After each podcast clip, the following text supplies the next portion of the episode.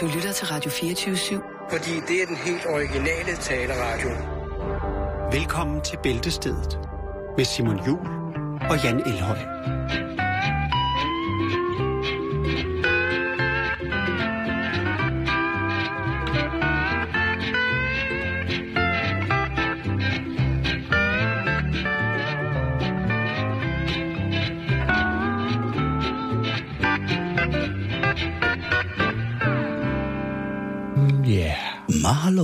Everybody, and welcome to this radio from Hawaii.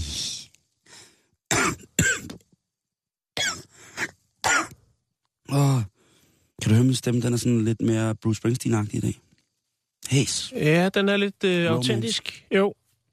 Jeg skal sige dig, hvor man får sådan en stemme. Det gør man i Irland. Nå, Et meget spændende og eksotisk sted. hvor hvad skal har- man købe for at få den? Har de sådan en, øh, sådan en ølslat med nogle cigaretskodder i? Øh, jeg skal ikke kunne afvise, at det lørdag natten mellem lørdag og søndag, at jeg drak både cigaretskodder og øl, og sikkert også hele glasset. Jeg, jeg vil bare lige sige, at øh, Irland, det er... Øh, altså, det var en dejlig oplevelse. Det var mange år siden, jeg havde været der sidst. Og vi var i Dublin. Dublin. Jeg har aldrig været der. Og, og der er nogle ting herhjemme, som jeg... Og nu øh, får jeg sikkert en masse på nakken, som jeg har svært ved. Og det er blandt andet sådan nogle... Øh, sådan tin flutes, den der lyden af, af, af Irland. Hvor man sådan hører sådan en, en, en fløjte og så sådan noget. Sådan en alfe, Ja, præcis. alfefløjte. Alfeknoglen, præcis. Sådan en, om- som er rigtig irriterende, hvis det er sådan en, der danser rundt og spiller på den. Det kan sådan rigtig... Du kan starte et værtshusslagsmål i Dublin, hvis du kommer ind helt glad med sådan en narhat på, og den der så bare... Og så spiller jeg, det, er det, det er den, der bliver brugt i temaet til Titanic-sangen. Åh, oh, ja. Ikke? Jo. Ja, det går ikke så godt, Simon. Men øh, du har... Øh, Ja, det du er kommet frem med din pointe. Jeg Jo. kom frem på en, og det var, det var, det var, det var, det var skide dejligt. Og jeg vil sige, at de irske folk, hold kæft, hvor er de søde. Prøv, jeg mødte ikke, ikke en, der var sur. Vi havde en i Så har du bare mødt de rigtige. vi havde en i delegationen, som på et tidspunkt fredag aften var, øh, var på sin rejse til, til en, et højere stadie af bevidsthed, har opnået en, en, en promillemæssig tilstand, der gør, at han har mistet talens brug, fordi han jo så tydeligvis kommunikerer på et andet plan. Og der øh, kan vi så ikke komme tilbage på den pop, hvor vi sidder, fordi at han simpelthen er dømt ude. Han har dømt sig selv ude ved at, at høvle for meget. Ja. Og prøv at høre, den sødeste dørmand i hele verden, som simpelthen bare siger, hey, drenge, I skal ikke ind her. I skal hjælpe jeres ven hjem, fordi det kan han ikke selv finde ud af. Det synes jeg, det er, det er, det er klasse. Det er klasse altså, Altså, en dørmand med en, øh, samvittighed. en, en tillagt faderrolle. Ja, der er jo også rigtig mange øh, fathers in Ireland. Der, er- der, der, men jeg vil bare sige øh, til alle jer, der sidder i, øh, Irland og lytter med, tusind tak. Det er øh, direkte, direkte fantastisk at, at være der. Og så øh, øh, selvfølgelig tillykke til den danske MMA-fighter Nicolas Dalby, som jo gav øh, Fight of the Night til UFC-stævnet i Dublin. Det må jeg sige, det, det har jeg aldrig været til før, Jan. Det var altså stort. Det var sgu... Ja. Øh, Hvad, var- hvad er det? Fortæl lige. Jamen, øh, jeg er ikke den store... Øh, det er en af de... Altså, det, det, jeg er ikke den store... Sådan, jeg ved ikke så meget om det, men det er jo altså det her Mixed Martial Arts, MMA og UFC, det er så... Øh, jo så Formel 1 inden for kampsport øh, i verden, sådan rent showmæssigt. Og det er jo en kæmpe, kæmpe stor maskine. En øh, tidligere kæmper, som hedder Dana White, som simpelthen har fået lavet et maskineri i løbet af de sidste, jeg ved ikke hvor mange år, som er kæmpe, kæmpe stort med, med tv-transmissioner og verdensstjerner, og det er bare... Vi har også nogle danskere, der gør så godt. Vi har nogle danskere, der gør også godt... Altså, I Los, Los Vegas også. Øh, jeg ved ikke, hvor mange... Der har kun været to danskere i UFC, så vidt jeg er orienteret, og jeg er ikke orienteret særlig godt, men altså Nicolas Dalby er i hvert fald helt klart en af dem, som, som, som gør det, og han øh, blev signet sidste år og indtil videre ubesejret i sine UFC-kampe. Så det er jo helt fantastisk, og øh, stort tillykke til ikke mindst ham, men selvfølgelig til hele hans hold og alle folkene i, i Rumble Sport, eller på i Rumble Sport, som hjælper ham øh, ude i... Øh. Det var en fornøjelse at, at få lov til at se det der på tæt hold. Det er, det er virkelig ekstremt, Jan. Det synes jeg. Altså, det er, der, øh, der vokser, der, der bor store, kæmpe, kæmpe store, Kohunes. lige præcis, øh, i, i mange der. Det var, øh, og, og stemmen også helt, det er derfor, vi råbte og skreg simpelthen. Øh, en, en, Stå her, kom nu, kom nu, ja, det var, det var lidt sådan kom nu, Ja, det, det, lød, det er faktisk meget, øh, øh, kom nu. det er meget eller den måde. Så det er derfor, at, øh, at stemme lidt. Så fik vi også lidt sport med i dag. Det er jo trods alt mandag. Ja, sport. Åh, den sport. Det er lidt ligesom med vejret. Og så siger jeg ikke mere. Så du kampen i går? Er det det, du mener? Agtigt sådan en kommentar. Nej. Og så fat... Skal jeg uddybe den? ja, jeg Nej, jeg, der Nej, er stadig nogle lyttere, der tænker, at det er ligesom vejret. Sport er ligesom vejret. Ja, okay. Fint. Jeg fatter ikke en dør. Nej. Jeg er bare dum. Og det er ikke alle snakker om det. Der er ingen, der gør noget ved det. Det er ikke det, jeg mener. Nej, nej. Men det, var, øh, det er derfor, at øh, jeg lyder øh, lidt som om, at... Jamen, det er godt, det er godt Simon. Det skal der også være plads til. Jeg har jo også... Øh, jeg kan ikke huske, der var også en dag, hvor jeg var helt smadret. Nå jo, det var da jeg havde været ude og lave, lægge stemme til tegnefilm. Der var jeg også fuldstændig. Ja, det havde du- havde jeg er ikke vant til at råbe. Det er, fordi Nej. de har sådan nogle artige børn. Ja. Nå, vi skal i gang med programmet. øh, Ja, det skal vi. Og hvor skal vi starte? Det kan man jo spørge sig selv om. Vi kan snakke om en ny, spændende pistol, som kommer på markedet. Øhm, Det har vi jo gjort det en del i. Vi har jo haft øh, 3D-pistolen, der ja. Man selv kunne printe. Jo, jo, jo. Øh, Der, der sker meget. Øh, Det er ikke, men vi, vi, vi tager det kun, for det er jo, det er jo noget værre noget med alle de våben. Og derfor så tager vi det kun, når der kommer noget, der stikker lidt ud. Må jeg knytte en kommentar til det? Jamen, det skal du gøre. Du skal knytte en kommentar. I disse tider, hvor der er så meget. Elendighed. Lige præcis. Nå. Øhm, Lad mig høre, bring det på, bror. Jamen, det på. øh, det er et øh, firma, der hedder Palm Pistol, som har lavet en øh, Palm Pistol 38 SPL Defensive. En pompist. Var det ikke sådan nogle, de havde pokerspillerne op i ærmet i gamle dage? Sådan en... Jo, En et S i ærmet. Ja, lige præcis. Så røg den lige ud, og så pang, pang. pang. Øh, og efter ni år, så er de nu klar med den her 38 Special Defensive. Den kommer i handlen, Simon. Wow. Øh, det er en speciel designet pistol, som øh, er lavet til folk med ledgigt, muskelsvind øh, og andre relaterede lidelser. Øh, den kommer nu på markedet. Den er blevet godkendt af FDA, som er US Food and Drug Administration. Lige præcis. Øh, de har godkendt øh, pistolen som værende medicinsk udstyr, Ja, hvilket vil sige, at du kan få bevilget, hvis du selvfølgelig har øh, en relevant lidelse for øh, at kunne have det her handicapvenlige øh, skydevåben. som ligesom hvis man skal have tilskud til at købe en brødkniv, hvis man har et gigt i fingrene og sådan Lige noget. præcis, ja. Øh, så den kører over sygesikringen, hvis man selvfølgelig er øh, kvalificeret. Øh, det er et enkelt skud i bøssen, Simon, så man skal, man skal øve sig lidt. Og hvis jeg skal prøve at forklare, hvordan den ser ud, det kan jeg lige så godt gøre nu. Ja, Så skal jeg lige finde... Øh, jeg kan også vise dig billederne, skal vi lige se. Jeg har dem lagt dem herind. Og det var et billede af en burrito, det er først senere. Vi skal kigge, den. Øh, altså, det, det er lidt sådan en håndpumpepistol, kan man sige. Her er der et billede af prototypen, og her tror jeg, det er... Nej, det var ikke det. Det er noget andet, vi skal kigge på en anden dag. Den er her, Simon. Sådan der. Det ligner lidt en håndgranat på en eller anden måde, ikke? Ved du, hvad det ligner? Nej. Det ligner sådan en, en puste en, der sidder på de gamle blodtryksmåler. Sådan en, Ja. Ja, eller sådan en, man kan En bruge til, til at, at skylle ører med. ja, der er kært barn har mange navne. Ja. Men øh, Det går også ligne en testikel med et vandrør i. ja, men så er man også helt forskroet, hvis man har den opfattelse. Nå, Okay. Øh, det her er jo øh, det er nyt, det er spændende, og det her med, ligesom at den er godkendt som værende medicinsk udstyr, det er jo det er kun i USA, ikke? Det, som der bekymrer mig i den her situation, ja. det er jo, at øh, jeg kan jo tydeligt se på den, at den ergonomisk er lavet sådan, så at man kan aftrække med flere fingre. Ja. Fordi tit og ofte, så vil det jo være det, der er komplikationen. Det kan Ja. være, at våbnet er for tungt. Det kan være, at aftrækket er mm. for... Øh, altså, at vægten... Øh, man, man snakker om, at man vægter sit aftræk. Det vil sige, hvor mange gram er der, før man ligesom... Ja. Ja. Det siger bang. Og den her kan jo så skydes øh, med en eller to fingre, man kan også bruge begge hænder. Øh, Til at trykke af med, ikke? ja. Altså, hvis du har begrænset styrke i hænderne, så er der stadigvæk mulighed for et, et pletskud. Er jeg den eneste, der tænker, at det bliver også meget, meget nemmere for børn at skyde med det der? Ja, og det har vi jo snakket om. Øh, Det har du lavet en statistik over, har som en statistik over det, og den fucking er, sindssyg. den er rystende. jeg hvor du den havde, det var en statistik over, hvor mange mm. mennesker, der var blevet slået ihjel i 2014 af folk under tre år. Ja. Og det var, vi var oppe på, var det nogen af 40? Ja, jeg kan ikke huske det nu. Det skal man ikke sidde... Nej, nej, nej. Det, nej. Men det, var, det, det er også lige meget. Det var i hvert fald, og ligegyldigt hvor mange det var, så var det mm. det antal for meget, ikke? Jo. jeg men, tænker men det med et- den her pistol, jo, som er en form for håndpumpe, Altså det vil sige, så har du jo også øh, rekylen. Den går direkte ind i håndfladen, Ja. hvilket jo også er en ret god ting. Øhm, og den kan, som sagt, affyres med tommelfingeren. Men den kan affyres Med munden? med... Det kan man sikkert også godt, Ja. hvis man har virkelig stærk tunge. Ja, eller en... Men så får man rekylen, så får man skudt... Nå.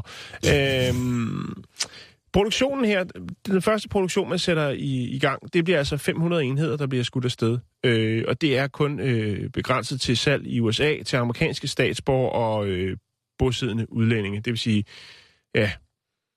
Øh, Det vil sige, det er ikke alderen værd, der kunne det er få fat i alle altså, man skal og, være... og, og enhver, der kan gå ind øh, på apoteket og købe, købe sådan en. Nej. En fiks lille sag. Øhm, og så er der altså også det her med, at øh, altså alle køb skal ske via øh, den fødera- føderale skydevåbens øh, licensting. Så, der, så det er ikke noget med, at man bare... Altså, der er lige nogle... Man skal, lige, man skal lige godkendes nogle forskellige Ja. steder. Først så skal man lige op til lægen og bevise, at man er virkelig svag i sine arme. Så, så, men, Medmindre så når, man man er er op, øh, når man er op og hente, hvad hedder det, sin recept på øh, legal cannabis, så kan du i samme åndedrag også lige få øh, et kryds i, Ja. på det stykke papir, hvor der Lige står, du også præcis. godt skal have, eller hvor du også får bekræftet, at du har brug for et, et mm. våben, som kan aftrækkes let. Prisen, den vil være i danske kroner, vil den være 9.123 danske kroner. Og så kommer der øh, 10% øh, skat, øh, som der er på skydevåben og ammunition derovre, oven i hatten En afgift. af en afgift, ja. Øh, jeg kan lægge et link op til øh, deres hjemmeside, altså palmpistol.com, Ja. Hvor man kan læse og kigge mere, hvis man tænker, det kunne da godt være, at det var noget, man skulle have. Fingrene i, så at sige. Ja, det er fint formuleret.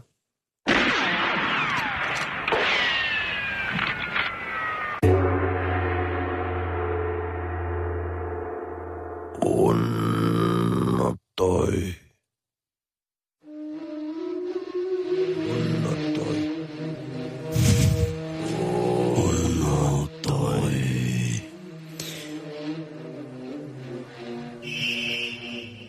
Fortælle en lille historie, Jan. Det har jeg lyst til Ja. mandag. og jeg sidder og læser en artikel på vej hjem i flyet fra Irland i går. Det er en historie af anden etnisk oprindelse. Det kan du roligt kalde det. Det vil jeg meget, meget, gerne anerkende dig for at, beskrive det på den måde.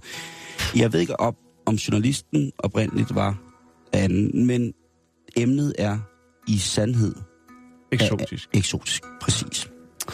Og det skal handle om Dubai. Og ja. Det er jo et sted, hvor at rigtig, rigtig mange af os danskere elsker at tage hen på ferie. Det er ikke særlig dyrt at tage dig til. Når man kommer derned, så får du en øjensynlig voldsom luksus for ikke særlig mange penge. Der er, jamen, der er det hele. Der er badeland, der er Formel 1, der er restauranter under vandet, der er, Alt muligt. der er alt, alt muligt. Altså tilbudene er... Har du nogensinde været i Dubai? muligt. Nej. Nå, du kan lige tænke over, nu fortæller dig en historie. Jeg fortæller lytterne en historie om min første tur til Dubai. Og så kan man jo selv øh, finde ud af, øh, om turen skal gå derhen. Det er, jeg, siger, jeg har fandme mange venner og veninder, som elsker det der sted. Som, Mm. Og der bor jo rigtig mange danskere dernede, som arbejder. Der er rigtig mange danskere, som har et godt job dernede. Øhm, så det, og det er bare et, et, et mærkeligt sted. Men Dubai, de sigter nu for alvor efter skyerne.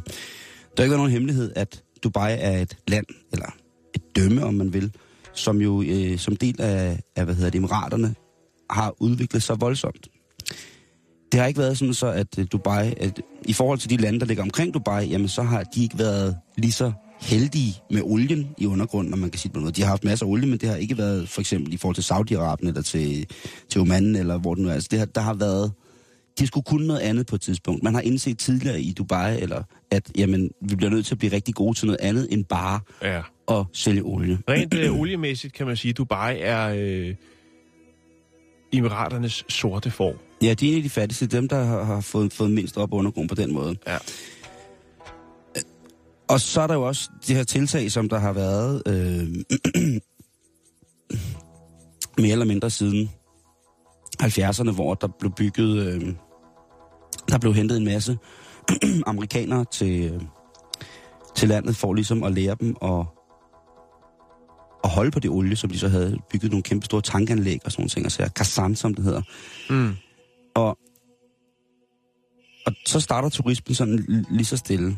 Men der er jo ikke nogen tvivl om, at en af de mest moderne og populære rejsemål i dag for folk i hele verden er jo Dubai. Netop på grund af de to førnævnte parametre. Billig luksus. Og ikke bare luksus, men fed luksus. Altså, det er virkelig, virkelig... Øh, masser af indkøbsmuligheder. lige præcis. ikke? Verdens højeste tårn. Ja. Ja, de har masser øh, for øjet Og, og for smagsløg. og den her turisme har de jo så fundet ud af, at det måske skulle være deres oliekilde. Så kunne de ligesom... Det er fint formuleret, Simon. Jeg anerkender men, Men, men er det ikke det, det er? Fordi Jo, jo, det, det, det, det er det. Kender du ikke også masser, som kommer hjem fra Dubai og har haft verdens bedste ferie? Jeg kender ikke masser. Nej, men nogen- jeg nogen, som har været der, ikke? nogen på Facebook, der står og smiler et sted i Dubai, så jeg går ud fra, at det har været en god ferie. Præcis. Og nu vil de så, nu sigter de så efter, udover selvfølgelig at være ekspanderende fuldstændig sindssygt, nærmest i, i, i fuldstændig potentiel øh, sammenligningsgrund, øh, med, på et potentielt sammenligningsgrundlag i forhold til, hvor mange ting, der bliver bygget færdigt, som Beijing, som jo altså er- er kranernes by. Der bliver afsluttet en skyskraber hver 14 minutter eller sådan noget. Og Dubai har det altså i, i samme tempo. Det er ret, ret, ret voldsomt. Men de skal altså inden 2021 være på top 10-listen over de gladeste lande i verden.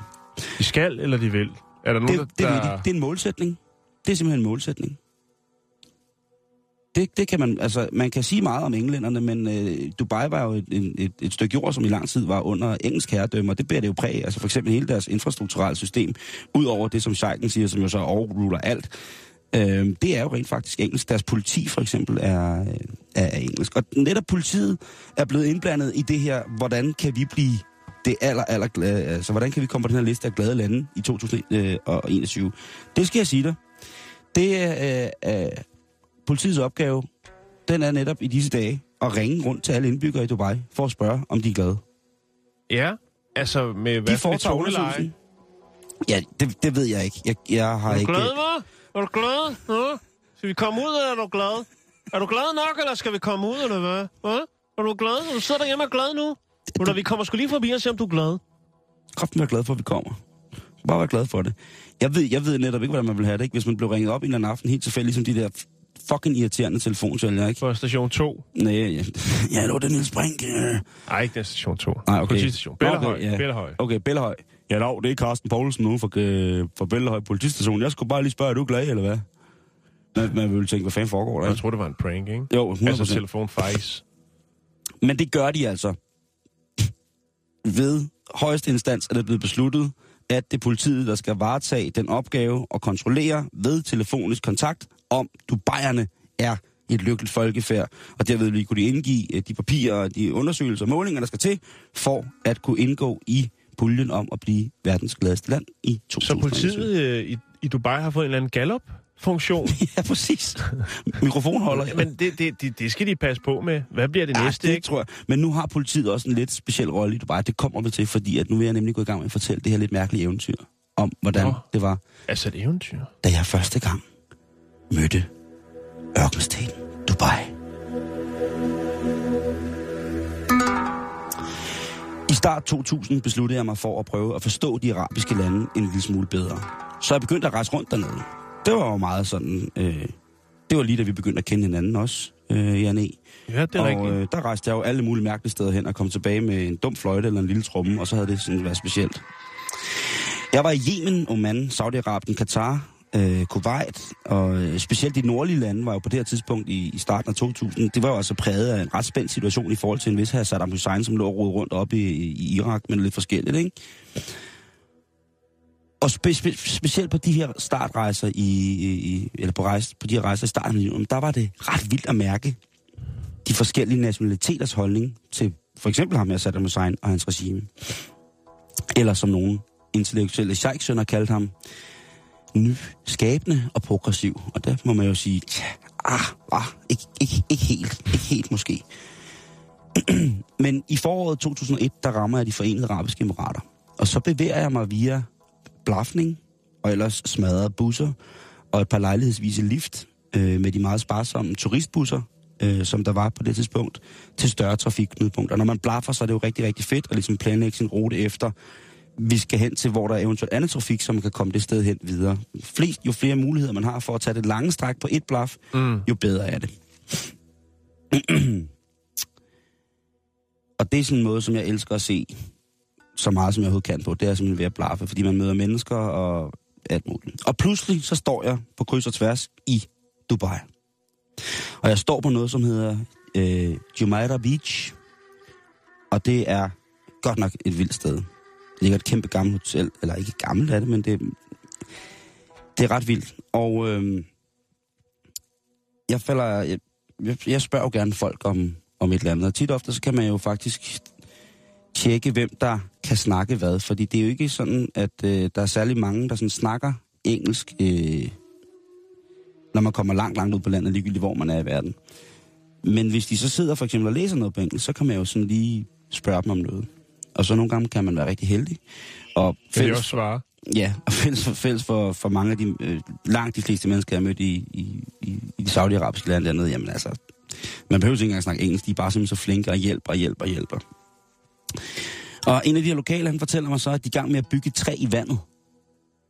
Og det, det, det forstår jeg ikke. Bygge et træ i vandet? Ja, han fortæller mig, at de skal bygge en palme ude i vandet, som folk skal bo på. Nå, Og den der, der, og der, palme. der tænker jeg jo, altså skal de bygge simpelthen sådan en kæmpe, kæmpe stor... Altså, der var jo gang i så meget byggeri Ja. dernede. Det var jo, altså et vertikalt træ. Altså det, der hedder, øh, det, der hedder Jumeirah Beach Road nu, hvor der er, bare, simpelthen er alt i hele verden, som er en, en altså en slår saint tropez altså med, med, altså den der, hvad hedder det, når man sådan har sådan en, en promenade, ikke? Altså det er jo helt hjernedødt, hvad der er dernede. Men på det tidspunkt var der ikke lige så meget, der var meget, men det var ikke øh, så voldsomt. Jeg finder så ud af, at jeg går længere hen, øh, går en tur øh, ned langs vandet, øh, sådan en halv dag, hvor jeg går rundt dernede, hvor jeg så ser det her, hvor de er i gang med at gå i gang med at bygge Jumeirah Palm, som er den første af de her palmer, de bygger ud i, øh, i bugten dernede, som ligesom bliver beboet og bliver noget fuldstændig totalt øh, ejendomsmaler luksus Chuhai, ikke? Der er jo flere palmer dernede nu, tror jeg nok, og der er vist også det, de har også bygget The World, som er den her verdenskort, de har bygget ud i vandet. Ja, det er rigtigt. Hvor man Der så er også, købe- også noget med, at de ikke kan sælge helt, vel? Folk er ikke så, øh, så meget op at køre. Synes jeg, jeg læste et eller andet sted. De var Så ikke bygger de bare en. Ferrari-rutsjebane i 400 meters højde, eller et eller andet. Det, de, der bliver ikke sparet på Der så bliver meget. ikke dernede, kan man sparet på noget, nej. Ham her gutten, som jeg spørger om, altså, som fortæller mig på sit sparsomme engelsk, at de er ved at bygge et træ ude i vandet, folk skal bo på. Han øh, er taxichauffør, og han... Øh, jeg spørger ham, hvor man kan få noget godt at spise, og øh, det skal ikke være for dyrt, men... Og han øh, viser mig så hen til sådan en, øh, en bogcafé, eller sådan, mm. hvor man kan, der kommer nogle studerende og sådan nogle ting. Så jeg synes, det lyder ret fint.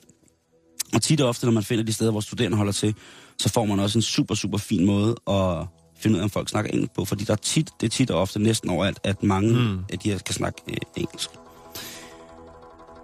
Og jeg møder så en gut, der sidder og læser noget engelsk, og jeg spørger ham. Og øh, jeg spørger, om jeg må sidde ved, det er sådan lidt læng- langbord, han siger, det, han siger selvfølgelig. Og det er sådan en meget typisk arabisk gestus, det der. Øh, sådan som jeg oplever det, når man kommer, kommer længere væk, men også som, en, som grundmentalitet. Det der med, at der er åbne arme, altså så længe man opfører sig ordentligt og bespotter nogen, så er der altså åbne arme og sød te og krydder mad, så lang tid man har lyst. Mm. Og ham mand, jeg sidder ved, jeg, vi snak, falder selvfølgelig snak, jeg vil gerne snakke med ham. Og han er ikke indfødt fra Dubai. 80% af befolkningen i Dubai i dag er ikke indfødte Dubaier. Det er folk fra Pakistan, Indonesien, Malaysia, Bangladesh, som arbejder dernede. Og det var også tilfældet med ham her. Han var pak- af pakistansk afstamning, og noget så sjældent som et barn fra Pakistan, af pakistanske forældre, født i Dubai. Og hans forældre havde mødt hinanden som gæstarbejdere i 80'erne, hvor at ham her gutten, som gerne ville kaldes Mike, det var ret sindssygt at sidde der med en pakistaner i Dubai, som sindssygt gerne ville kaldes Mike, men som mange indere, så pakistanere og det der engelske Commonwealth der, det har så gjort, at man har nogle meget, meget smukke navne, og så bliver der en gang med lige puttet et, et anglosaksisk klingende type navn ind, mm. men sådan må det jo nu være. Han er i hvert fald let at snakke engelsk, fordi at øh, hans far havde arbejdet i Indien. Det er jo typisk også for pakistanere, øh, selvom der jo også er bøf der, øh, inden Dubai. Og senere havde han så lært det mere eller mindre af sig selv. Og jeg betaler, ham, betaler så for frokost, når vi sidder og snakker en times tid og sådan noget, og så inviterer han mig hjem til sin familie. Og der spørger jeg ham, om vi ikke skal tage en taxa, og så bliver han sindssygt flov. Han bliver sådan helt dårlig, øh, fordi det, det kan man ikke, altså det er der ikke penge til. Altså hvorfor? Altså penge til det, det der... Øh, plus han så også siger på et tidspunkt, det kommer frem, at langt de fleste taxachauffører, de har ikke lyst til at have pakistanere med, medmindre de selv er det. Hvis man skal med som pakistaner, så er det en god idé at enten være øh, prins eller være noget helt hot business. Så vi går ud fra den her restaurant, hvor vi har siddet og spist, eller café, eller bogcafé, eller hvad det nu er, og så går vi til en byggeplads, hvor der er nogle, holder sådan nogle kæmpe store shuttlebusser, som mm. kører bygningsarbejderne hjem fra arbejde. De bliver kørt til og fra de her store bygningsprojekter øh, i sådan nogle store busser, i hvert fald på nogle af byggerierne. Og så bor de jo sådan nogle satellitter, så på det tidspunkt, der boede de sådan nogle satellitter uden for byen. Og vi kører, øh, eller vi skal afsted, og egentlig så ham der buschaufføren, han kan ikke have mig med. Jeg kommer der med en rygsæk, og jeg, jeg ligner jo tydeligvis ikke en, en, en pakistaner, øh, eller hvad det nu er.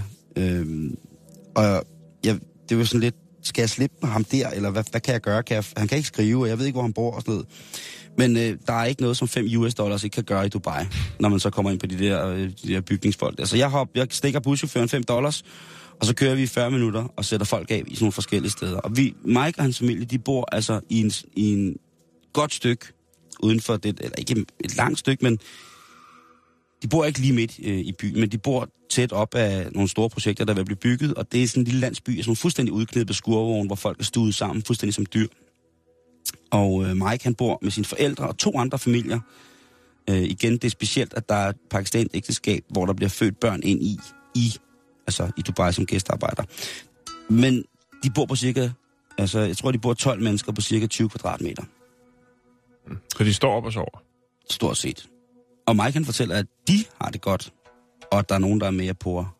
For han kan måske godt se på mig og tænker, hold da op, at det her er et sted, hvor der bor mennesker. Mikes far, han arbejdede ikke mere, da, da jeg kommer ned. Han havde slidt sig halvt ihjel ved at arbejde for det, som han selv betegnede som The American Dream.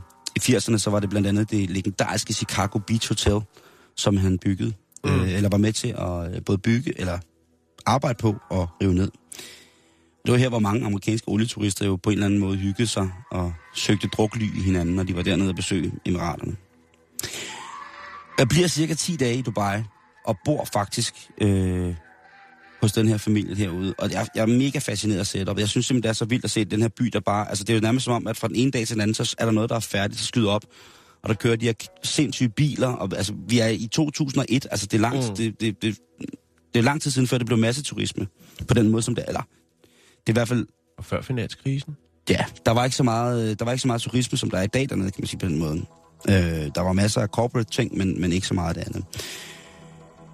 Og jeg er fascineret, hvordan, hvordan, hvilken fascination var det så, jeg havde øh, trippet med dernede i Dubai. Og jeg vil sige det på samme måde som den historie, jeg kender til omkring vores øh, danske handelsruter, trekantsruten, hvor at, øh, vi danskere, rent maritimt, rent søfartshistoriemæssigt, var nogle af de aller, allerbedste til at sejle med våbensbrud og mennesker. Det er lidt den samme fascination, jeg har af det. det. Det er noget fuldstændig sindssygt, man ikke rigtig kan begribe, og det indeholder en, en, en, en i dag udtryksmæssigt fuldstændig hjernedødt forfærdeligt, både moral og etik, men det er der, og jeg kan ikke lade være med at fucking være fascineret af det. Jeg står og kigger på de her huse, de her kæmpe konstruktioner, som er så høje. Jeg har aldrig set højere skyskraber. Måske også fordi, at resten er så lavt, og skyskraberne ligesom mm. står så meget alene. Øh, og det ligner, kan du, have nogensinde set fraklerne? Hvor, der, hvor duserne, sådan nogle små nogle bygger, ja, ja. sådan nogle små ting, som fraklerne ja, spiser. Sådan så det altså, det lignede det der, altså der var så mange i arbejde på de der kæmpe, kæmpe store konstruktioner, som man bare tænkte, jamen altså, hvad, hvad, hvad pokker foregår der? Men det så, igen, det så helt sindssygt ud. Øhm, og den myldrede op og ned af de her kæmpe, kæmpe, kæmpe store konstruktioner. Og jeg er ikke sikker på, at hvis 3F lige kom forbi dernede, eller... Jeg skulle lige til at sige det. Altså, hvis fagforeningen dukker op dernede, så tror jeg sikkert, at de arbejdssikkerhedsmæssige hensyn, de var varetaget på en måde, som ville kunne forestå som, mm. som, som gældende altså det, eller som overholdt. Det var godt nok øh, noget, noget værre noget. Øhm. jeg kommer hjem en aften ud til det der, øh, ud der i den der ghetto, som jeg bare kaldte Mikes ghetto. Øhm. Og øh, der spørger jeg så frit øh, Mikes far om, hvor meget at man som bygningsarbejder kan tjene ved at komme fra Bangladesh for eksempel, eller fra Indonesien, eller fra Pakistan. Mm. Øh, og det, det er jo så i 2001. Det kan jo sagtens være, at de tjener meget, meget, meget mere og har fine forhold og fagforeningsmæssige forpligtelser og sådan noget i dag. Men i 2001, der tjente du altså mellem 700.000 kroner om måneden for 15 timers hårdt arbejde, syv dage om ugen stort set. De her arbejdere, som øh, de, her, de her folk, de her slaver, som har været med til at bygge meget af de, den her kæmpe, kæmpe, kæmpe store industri op, øh, eller hvad kan man sige, kulisserne til den her kæmpe turistindustri, mm øh, de arbejder jo i de her 40 50 grader varme øh, øh, altså situationer. Og der var ikke noget vand, og der var ikke noget mad, og jeg ved ikke, hvad de er blevet bildt ind, at de, har- om de har fået at vide, jamen til gengæld er der sol og vind, og det er pisse sundt, kom nu bare og arbejde her. Jeg, jeg, jeg ved ikke, hvem, altså... Men det er jo sikkert øh, på den måde, som verden er indrettet. Også i 2001, øh, så er 1000 eller 700 kroner jo sikkert også mange penge et eller andet sted. Da jeg tog fra Dubai, der tog jeg med bus til Abu Dhabi. Og øh, da jeg rejste derfra, øh, jeg havde fået lov til at ligge i en sovebus uden for deres hus og sove om natten, øh, der gav jeg så Mikes familie det, der svarer til to måneders løn øh, for en bygningsarbejder, for at have lov til at... Og, altså, jeg blev bespist om aftenen. Mm. Øh, jeg fik lov til at bruge deres vaskefad. Jeg, øh, jamen altså, jeg, deres toilethul. Altså, de åbnede bare dørene. Altså fuldstændig ukritisk, uden at spørge. Øh, og det var, altså, det var sindssygt fedt. Øhm, Det var et autentisk scoop. Ja, det synes jeg. Men det ved du også godt selv, det der med, at når du er ude på alle dine rejser, ikke? det der med, når man finder nogle locals, som åbner dørene, så bliver tingene bare altså, automatisk 200% federe. Ikke? Mm, jo. Det gør det bare. Øhm. og i Abu Dhabi, der skulle jeg øh, besøge en rigtig, rigtig god veninde, øh, som er kulturhistoriker øh, i, hvad hedder det, i mellemøstlig historie, og hendes mand, som er professor i mellemøstlig finans. Og så gav ham der manden mig altså lige the lowdown om, hvad der var gang i op i Dubai, fordi jeg vidste intet om Dubai på det tidspunkt, mm. andet end jeg vidste, at det, var, det lå deroppe. Øhm. Og han fortæller mig så netop den her strategiske plan om, hvordan de har tænkt via turismen og oplevelser, og ligesom banke sig godt og grundigt ud af, af landet som lillebror, fordi de ikke har haft oliemilliarder. Mm. Det har de jo, men, men ikke så mange. og det, det er med et eventyr. Man kan jo selv gå ind og, og begynde at læse på det, hvis man har lyst til det. Øh, Et kæmpestort eventyr, som jeg rejste tilbage for at se i 2009. Det var sidste gang, jeg var der. Og øh, det første, jeg gør, det er, at jeg tager en taxa ud af byen til der, hvor øh, for den fine lufthavn, internationale lufthavn, hvor jeg landede med, med Emirates, som var en af de første flyselskaber, som også så et eller andet godt i det der. Øh, eller de havde nok også en aftale og kendte emiren og så videre, så videre. Men jeg ville jo selvfølgelig gerne se, om Mike stadig var der. Mm-hmm. Og hans familie. Hans søde, dejlige familie. Det var han ikke. Øh, på den der ting, der mindede midt om en losseplads for, for skurvognen, hvor der alt var støvet og sandet, der var der helt grønt nu. Okay. Bakkerne, der var altså, stranddynerne var blevet lavet om til... Nabolaget var blevet pimpet. Det var blevet en golfbane. Øhm, midt i den her døde ørken, det så fuldstændig surrealistisk ud, så lå der nu den her smukkeste golfbane, eller hvad det nu var, golf estate, som, altså lejligheder, som hører til, til et golfresort, ikke? Mm. Og den her, det her golde, golde, golde, golde sand, det her alt udslættende golde sand, og så den her desperat plantet grønne græsplæne, det så fuldstændig fucked up ud. Mm. Og man kunne kun forestille sig, hvad det krævede af ressourcer at holde en, en sådan fin græsplæne i, i sted, hvor at, øh, at der er minusvand øh, i jorden. Jeg henvender mig så i øh, den her, øh, det her, det her, det her real estate har sådan en, en er, det, er, det er en reception, men hvor man kan henvende sig, hvis man skulle spørge om et eller andet. Hvor jeg så øh, spørger, øh, der står en meget, meget sød dame, og hun snakker helt perfekt engelsk. Og jeg spørger hende så, hvad der skete med alle de her 100 barakker, og alle de mennesker, der boede her, som har været med til at bygge inde i byen. Øh, de her byggelandsbyer. Hvad skete der med det? Hvor, de, hvor bor de henne nu? Og lige pludselig så bliver hun enormt dum at høre på hende, der receptionisten. Altså, hun bliver som en idiot. Altså, så, lige pludselig forstår hun ikke hverken op eller noget. Hun kan næsten ikke snakke engelsk. Mm. Og så giver jeg jo op. Så kan jeg jo ligesom godt se, at jamen, det har hun sikkert fået at vide et eller andet sted, at det skulle man sikkert ikke snakke så meget om. Mm. Og øhm, til gengæld køber jeg så en busbillet til nogle af dem, som har været ude for at besigtige lejligheder, som de så skal købe. Og der sidder jeg så i, øh, i bus og møder et øh, norsk ægtepar, som lige har købt en lejlighed eller noget. Til, altså, det koster simpelthen det hvide ud af penge, det der, de der lejlighed. Det var helt sindssygt. Og de kunne simpelthen, de her norske ældre ægtepar, de kunne simpelthen ikke få armen ned over, hvor fedt deres otium skulle blive hernede i det er verdens fineste by. Øhm, og jeg sidder jo der og kommer til at kaste lidt op i munden. Ikke på grund af, at de er glade, for det skal de selvfølgelig have lov til. Øhm, men mere fordi jeg får ondt i maven over at tænke på, hvor at Mike og hans familie var blevet af. Nu hvor at danske og norske og andre virkelig velbeslåede typer skulle ud og stå og spille til handicap 60 med et forkert dyrt golfsæt, ikke? Mm. At, øh, de er jo simpelthen bare blevet flyttet. Det er så noget, der er sket øh, rigtig, rigtig mange gange dernede, det der med, at, at det var.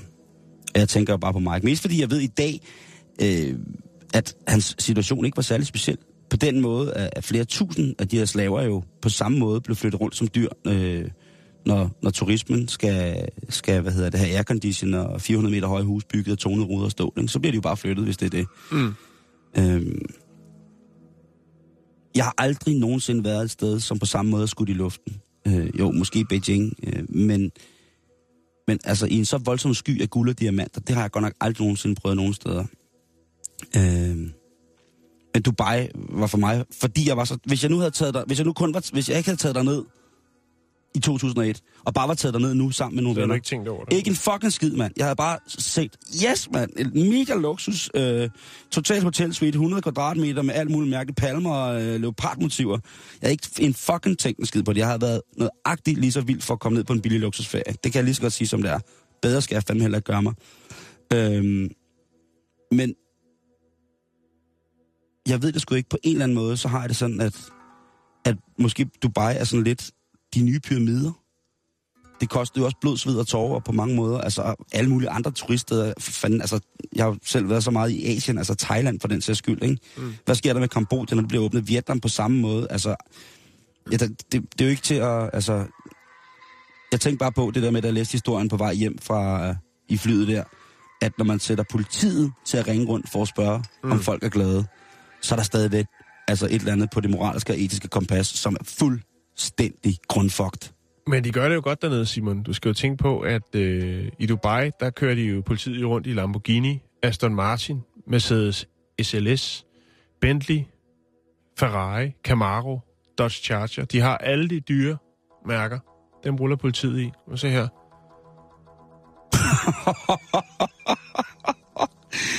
Ja, det Så sindssygt. i hvert fald om ikke andet, så er øh, betjentene, der kører rundt i de her øh, køretøjer nok Og spørg, godt spørg pænt, ikke? Jo, det kan være, De de har- ruller vinduet ned og spørger, er I glade? Det er vildt nok. Ja. Men det er vildt nok at tænke på, hvad, hvad så mange guld og diamanter kan gøre ved, ved turismen og for turismen, ikke? Jo. Så det var lige en tur til, til Dubai. Og jeg vil bare lige sige, Mike, kære dejlige Mike, hvis du sidder derude og lytter med, så skriv lige til os på Face, ikke? Jeg vil bare lige gerne høre om, øh, Om alt er, som det skal være. om alt det her skal skal være, om du har fået opfyldt din drøm om at, øh, og, hvad hedder det, flytte til Tyskland. Det kan man jo ikke nogensinde vide noget om er sket.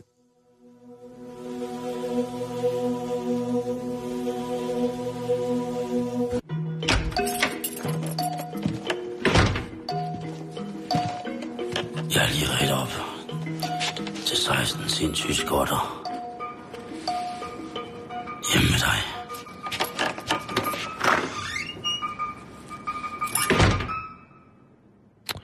Det var lidt eksistentialistisk socialrealisme på en grim måde.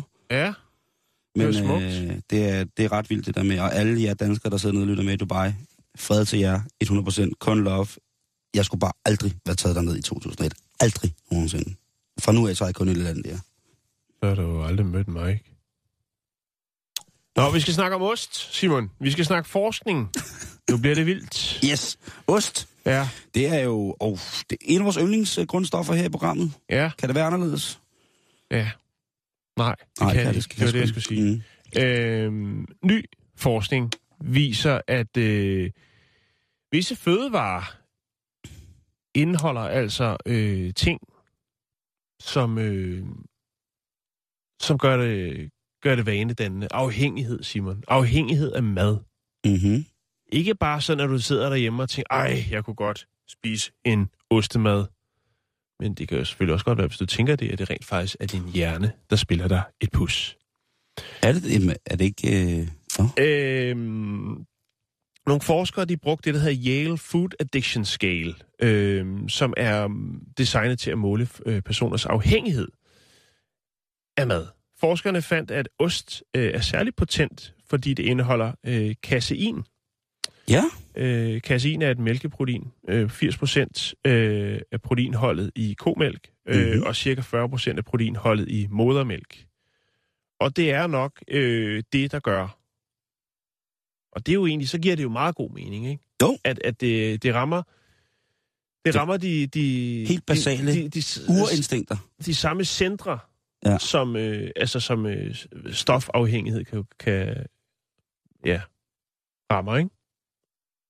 Hvis du er på en god heodeo eller et eller andet. øh, Hvis skeen står i flammer. ja. Yes. Øhm, stoffet er jo til sæde i stort set alle mejeriprodukter. Ja. Ja. Medmindre du køber noget virkelig, virkelig sløjt mejeriprodukt, ikke? Altså, faktisk så, hvis man skal være helt tavlig over for kassiner, det skal man jo nogle gange, så øh, er det noget, som typisk bliver brugt for eksempel øh, i rigtig billige osteprodukter. Hvor man sådan måske ikke rigtig kan skelne med, om det, hvad, hvad det egentlig skulle have med ost at gøre. Ikke? Det kommer måske lige lidt om her, Simon. Men Yes. altså, det øh, stoffet, som er til stede i, øh, i alle mejeriprodukter, udløses i hjernen øh, i det, der hedder øh, opioidreceptorerne. Øh, som er det, der er knyttet til, hvad skal man sige, afhængighed. Mm. Øh, Opiaterne. ja, det er præcis. Og det kunne være opium. Det kunne det sagtens Det være. kunne det sagtens være. Listen er lang. Jeg det siger det bare. også være fisse. Det tror jeg ikke, du skal regne med. Nå. Men øh, forskerne fandt også ud af, at øh, forarbejdet fødevare øh, også har øh, sådan en vane, den adfærd. Helt sikkert. Øh, du kan bare komme sukker i, så starter festen. Altså, Lige præcis. eller lige salt præcis. for den sags skyld. Ikke? Ja. Øh, men altså, er fedtholdige fødevarer øh, er de mest vanske, vanskelige ligesom at, hvad skal man sige, nedtrappe. Mm. Altså, vi kan godt lide, når der er, når der er lidt greasy, ikke? Det skal være lidt forbudt, ikke? Det skal være lidt forbudt. Og det er altså, det kan man sige, hvis du så har en fedtet ost, ikke? Så, så er du helt ude at skide. Prøv lige at tage det udtryk igen. Fedtet ost, Har du en fedtet ost? en fedtet ost, God fedtet så er, ost. er du virkelig ude at skide. Ja. Fordi så øh, går det lige op øh, og sætter sig Op i opiaderne. afhængigheds... Øh, ja. Det ryger lige i opiaderne. Øh, Opiaden. Men altså, i- de fandt jo så ud af, at øh, i de her, sådan, hvad man kaldes på et godt dansk, top-ranking af afhængighedsfødevarer, øh, der er, var de fleste af dem, øh, dem der var med øh, i undersøgelsen, der var det altså ost. Det var ost, de klikkede på. Og, og, og hvordan lavede de så de resultater? Jo, forskerne bedte 120 øh, studerende om at besvare øh, nogle spørgsmål via det her Yale Food Addiction-skalaen. Øh, øh, og der blev de altså bedt øh, om at vælge mellem 35 fødevarer øh, med varieret eller varierende øh, næringsværdi. Udover det, så øh, havde de også en anden undersøgelse, hvor de havde gang i 384 mennesker, øh, som blev præsenteret for øh, de samme fødevarer, øh, med sådan en øh, hier, hvad hedder det, hierarkisk øh, lineær rækkefølge. Det vil sige, det var Nogle over, nogle under. ja, måske en mad. Så, så hvis man har... I, i øverste hierarkiet var der så de aller, aller farligste oste, som sikkert var en fed, farlig ost. Ja, Fedtet, hvad var det, du kaldte det? En fedtet ost. En fedtet ost. Ja, Og så ned, og så har der måske været... Øh, Ja, men, men der kunne... Ja, altså det, det var ikke ost det hele, vil jeg sige. Det var Okay. ikke en, en osteskala, de kørte igennem. Men det var forskellige fødevarer. Så ikke engang mellem får en gammel fedtet ost, så ved jeg, hvad vi skal gøre, mand. Det er sgu. Øhm, men altså, de nåede frem til, jamen det er, det er simpelthen osten, den er, man kan blive afhængig hos, Simon. Men det, prøv- prøv at høre, det giver... Og du har, du har, du kryber til korset Jeg kryber til korset, ja. siger, jamen øh, du er, Det er jeg. Ja. Og det er da er fuldstændig... Jeg kan gå hen og blive sådan helt mopset, hvis der, ikke, øh, hvis der går en dag, uden at jeg lige får en, en lille skive eller en ske med lidt dejlig Ja. ost på. Så kan der Så godt hvis, man skulle, hvis du var til afhøring, og øh, man skulle have til at indrømme noget, Og så er det også en skyld, det hele. så, så øh, ja, men også så skulle du bare øh, nægtes ost. Så vil du begynde at snakke. Ja, det er rigtigt. Det, og ja, nu har jeg selvfølgelig øh, givet mig selv. Når de levende jeg har givet dig. du har stukket mig helt sindssygt. Ja. Men det er altså det. Det skal man lige Var huske over, at øh, næste gang du sidder i, i, i bilen Men Brie, med, med en brie, eller tænker på en brie, Ja. Altså, og jeg tænker lige nu her, altså hvis uh, Shell og Q8 øh, lytter med her, jamen øh, så tænk på det, lav lige et lille ostesortiment, for der, der er penge i det. hvorfor tror du, det er ostepølser? Første gang gratis, som man siger. Det er det, der er det, er, princippet. det, er jo, det er jo faktisk fed ost. Det er det, der er Det er jo princippet. øh, fed kød, fed hedder det. Fedtholdigt kød, og så lidt ost i. Jamen, den er der. Du vågner op med 12 kilo Danbo i sengen i morgen. Men det er Du- det, du Simon, du har- man skal passe på. Du du skal passe noget. Jeg skal starte på. Ja, du skal passe på. Du kan sgu da også godt lide ost. Jeg kan godt lide ost. Men jeg er ikke afhængig. Hvad? Men jeg er ikke afhængig. Det her. Shit var vildt. Mm-hmm. Det skulle, øh, det sgu ret dejligt. Nå, nu skal vi til noget international politik, Jan, fordi det skal skulle til på en mandag, ellers så når vi ingen steder, og hvad er verden så ellers kommet til?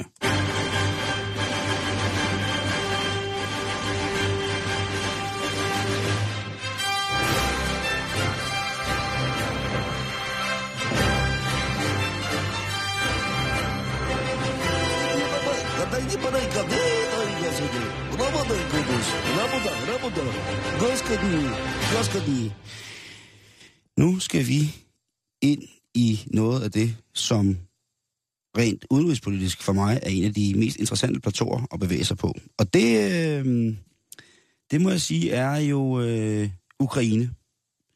Fordi at øh, det var jo her, hvor at vi havde øh, Star Wars-partiet, der stillede op. Øh, Internetpartiet, hvor at formanden jo var ingen ringer end selveste Darth Vader. Mm-hmm. Og, og der var jo, det var faktisk sådan, at, øh, hvad hedder det, til parlamentsvalget i, øh, i sidste, altså sidste år, der fik de faktisk øh, 0,36 procent af, af stemmerne, men øh, de fik ikke nogen taburet inde i, øh, hvad hedder det, i parlamentet, men de er stillet op. Men de kæmper videre, Jan. Det er jo internetpartiet. De kæmper sgu videre. De giver ikke op. Som om Darth Vader gav op. Uh. Her op til lokalvalget så, og det er jo så det, der er nu. Der bliver der jo selvfølgelig kørt hårdt på med kampagnen. Vi kender du herhjemme fra os selv, at der er, det, man kan jo ikke komme nogen steder uden, der hænger en eller anden øh, halvdårlig grafisk løsning på en, øh, på en valgkommuniké eller en plakat. Og i øh, Ukraine, der går de altså for alvor til, øh, til hvad hedder det, til, til stålet, Jan. Der er det altså ikke bare at lige lave en lille kampagne. Der må man jo rigtig, rigtig gerne gå rundt og stemme dørklokker. Ja, Og prøve at... at og det er fordi, at man ikke kan ringe rundt, fordi alle ikke har telefon. Som i Dubai. jeg tror sgu heller ikke, det er alle, altså, du bare der har telefon, men jeg tror, at det er bare en anden tradition. Altså, det er jo noget, noget socialt kulturelt i forhold til, hvordan man prøver at køre sin propaganda, ikke? Og man må sige, at Ukraine har jo øh, været en del af et land, som på deres helt egen måde var rimelig speciel, og havde en meget specifik måde at, at lave propaganda på. Mm. Så det her meget mere personlige noget, i stedet for kun at pleje kollektivet som en stor fælles masse, jamen den her individuelle kontakt til, til eventuelle nye øh, medlemmer af partiet eller stemmer, jamen det er jo en dørsalgskampagne. Det er jo simpelthen, hvor man går rundt og stemmer klokker. Men det må man ikke på selve dagen for kommunalvalget. Og der var Internetpartiet altså ude for fuld gardiner dagen inden, hvad hedder, dagen, dagen inden øh, lokalvalget, der blev der offentliggjort en øh, statue i Odessa, som, øh, som Internetpartiet selv har lavet, af Darth Vader. Og det synes jeg jo er ret svedigt, at der midt i Odessa står en Darth Vader Og som lokalpolitiker. Jo. Men på selve dagen, der skal man bare stemme. Der må du altså ikke gå ud og presse folk. Der må du ikke gå ud og påvirke. Og der har altså åbenbart været en misforståelse, eller der har måske været en frygt for ikke at opnå det resultat, man ønskede, så der skulle sættes lidt ekstra ind. Det gjorde altså, at man sendte Chewbacca på gaden for at stemme dørklokker. Mm.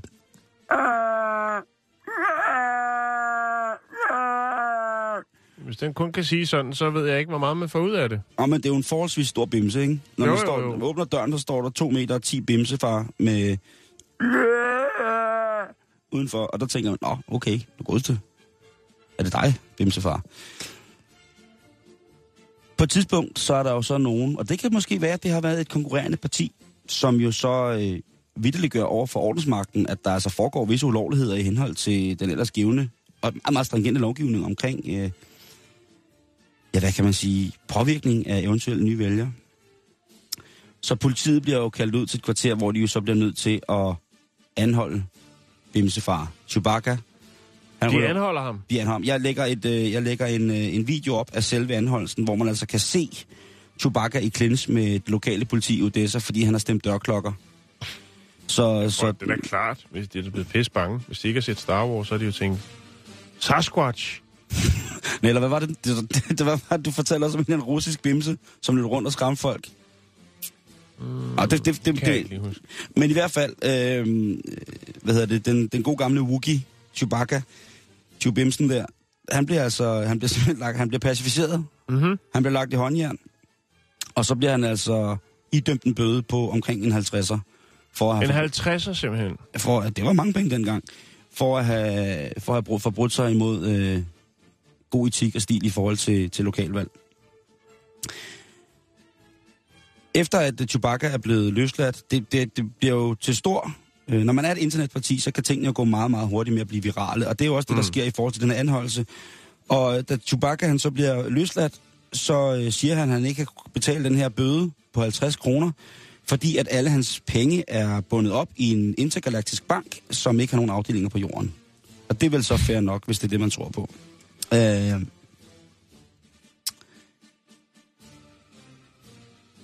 et, time, et par timer siden, øh, senere, efter at han er blevet løsladt, jamen så, øh, så ankommer en rasende Darth Vader til, øh, til stemmeurnerne, og øh,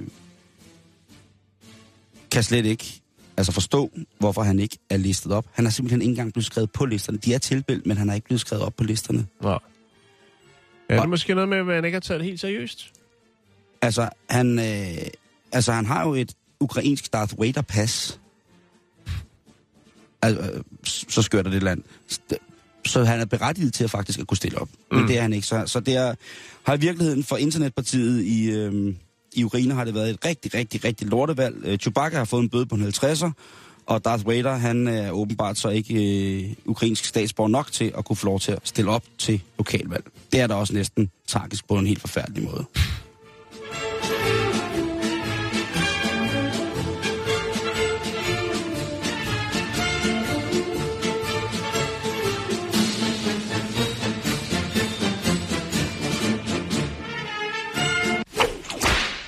Nå, inden vi slutter i dag, Simon, Ja. så øh, skal vi lige snakke om en ny bikini. Ikke fordi det er sæson, men øh, fordi at det er spændende. Man kan sagtens have bikini inde på, selvom det er koldt udenfor. Det kan man sagtens. Man kan også tage en tur i svømmehallen, man kan også tage til Dubai. Nå, øh, Oh, Spooge. Snapchat. Spoons Suit Bikini hedder den. Sponsor bikini? Ja. Og øh, den her bikini, den øh, er faktisk ret smart, fordi at øh, du kan tage, mens du tager en dukkert i havet, så kan du faktisk øh, redde verden samtidig. Store ord. Ja. Jeg ved heller ikke, om det holder Det stik. synes jeg meget at tillægge det en tole, Det synes jeg er meget, meget, og, og, et meget stort ansvar at tillægge en, en meget, meget klassisk todelt øh, Mm. At man kan redde verden ved at iføre sådan. på. Den, øh, kan altså, den er konstrueret til at absorbere stoffer fra havet. Øh, det vil sige, at når den, der bærer bikinien, svømmer rundt ud i havet, ja, så er man med til at sørge for, at øh, Et filter? Det kan man godt kalde. Jeg har fundet nogle fine, fine billeder af den. Den her Spoons Suit Bikini. Den er designet på University of California og har ne- netop vundet første præmien i det, der hedder Reshape 15, øh, i den kategori, der hedder Wearable. Sådan. Ja, Så vi taler Øh. øh, altså et proaktivt grønt beklædningsaggregat. ja, ja den er meget fin. Jeg kan lægge nogle billeder op. Ja. Det, jeg synes, det, altså, hvis den, den tager alt, øh, alt snasket derude i vandet, øh, altså Kondomer, olie, olie og okay. andre kemiske øh, stoffer, og, og suger dem til, så får man det jo på huden. Det ved jeg ikke, hvor godt det er, men det skal man måske ikke tænke på. Det er bare en lille øh, sidetanke. Nu har de vundet en pris. Øhm, Det er dig, der og bader så hele siger vi. Så siger vi tillykke til dem. Øhm, de har, det er nyudviklet materiale, som øh, jo så har fået navnet her Spoonge. Og øh, det er forholdsvis billigt at, at producere det her nye, og, og man har så udviklet sammen med øh, et firma, der hedder øh, E-Ray Carballo, har man så udviklet det her design øh, for at få det ligesom, og der har man så haft gang i noget 3D-printning og alt muligt andet for at lave det her specielle svampemateriale, som man så, øh, den der, øh, der bruger, har den her bikini på, altså kan være med til at, der skal nok rimelig mange i vandet, før det ligesom giver noget udslag, men Jeg tænker også... det er et at- statement. Det er et statement, når du går ud, og så du ser en i Spoons øh, suit bikini, så ved du, hende der, hun er miljøbevidst. Hun gør noget for, at den her planet, den bliver lidt renere. Hun tager giften med hjem. Hun tager giften med hjem Hun på tager kroppen. giften ud af havet, Ja. ud på kroppen. Og Ja, øh, det synes den, jeg det, det der er, det er altså, at den kan udvide sig 25 gange, så, så du går slank i, i, i vandet, og så kommer du op øh, Med hængerøv og g-strengen. med en øh, dobbelt D-skål, og øh, jeg kan lægge nogle billeder op. Den er Nå, meget på den der måde. Ja. Okay, det, men hvad så med besæt... Altså, op på barmen selvfølgelig, der udvider den sig. Men... Men se her. Spændende design. hold den derop, ja. Det ligner men, lidt et... men øh, det ser ud som om, man bærer rimelig tung muff, hvis den udvider sig så meget, ikke? Jo. Det, det må man sige. men, Men øh, øh, al- alternativ. Det er meget godt ting. Det, det er anderledes, og det er måske en vej, man kan gå på et Super. tidspunkt. Vi smider en lille ting op her på Facebooken, facebook.com valgdagsdag, øh, når vi er færdige her. Jeg har også lige fundet en lille dokumentar om øh, det mærkelige arbejde, der øh, har gjort, at Dubai er blevet til, hvad det er. Tak for i dag, og på genhør i morgen. Du lytter til Radio 24 /7. Om lidt er der nyheder.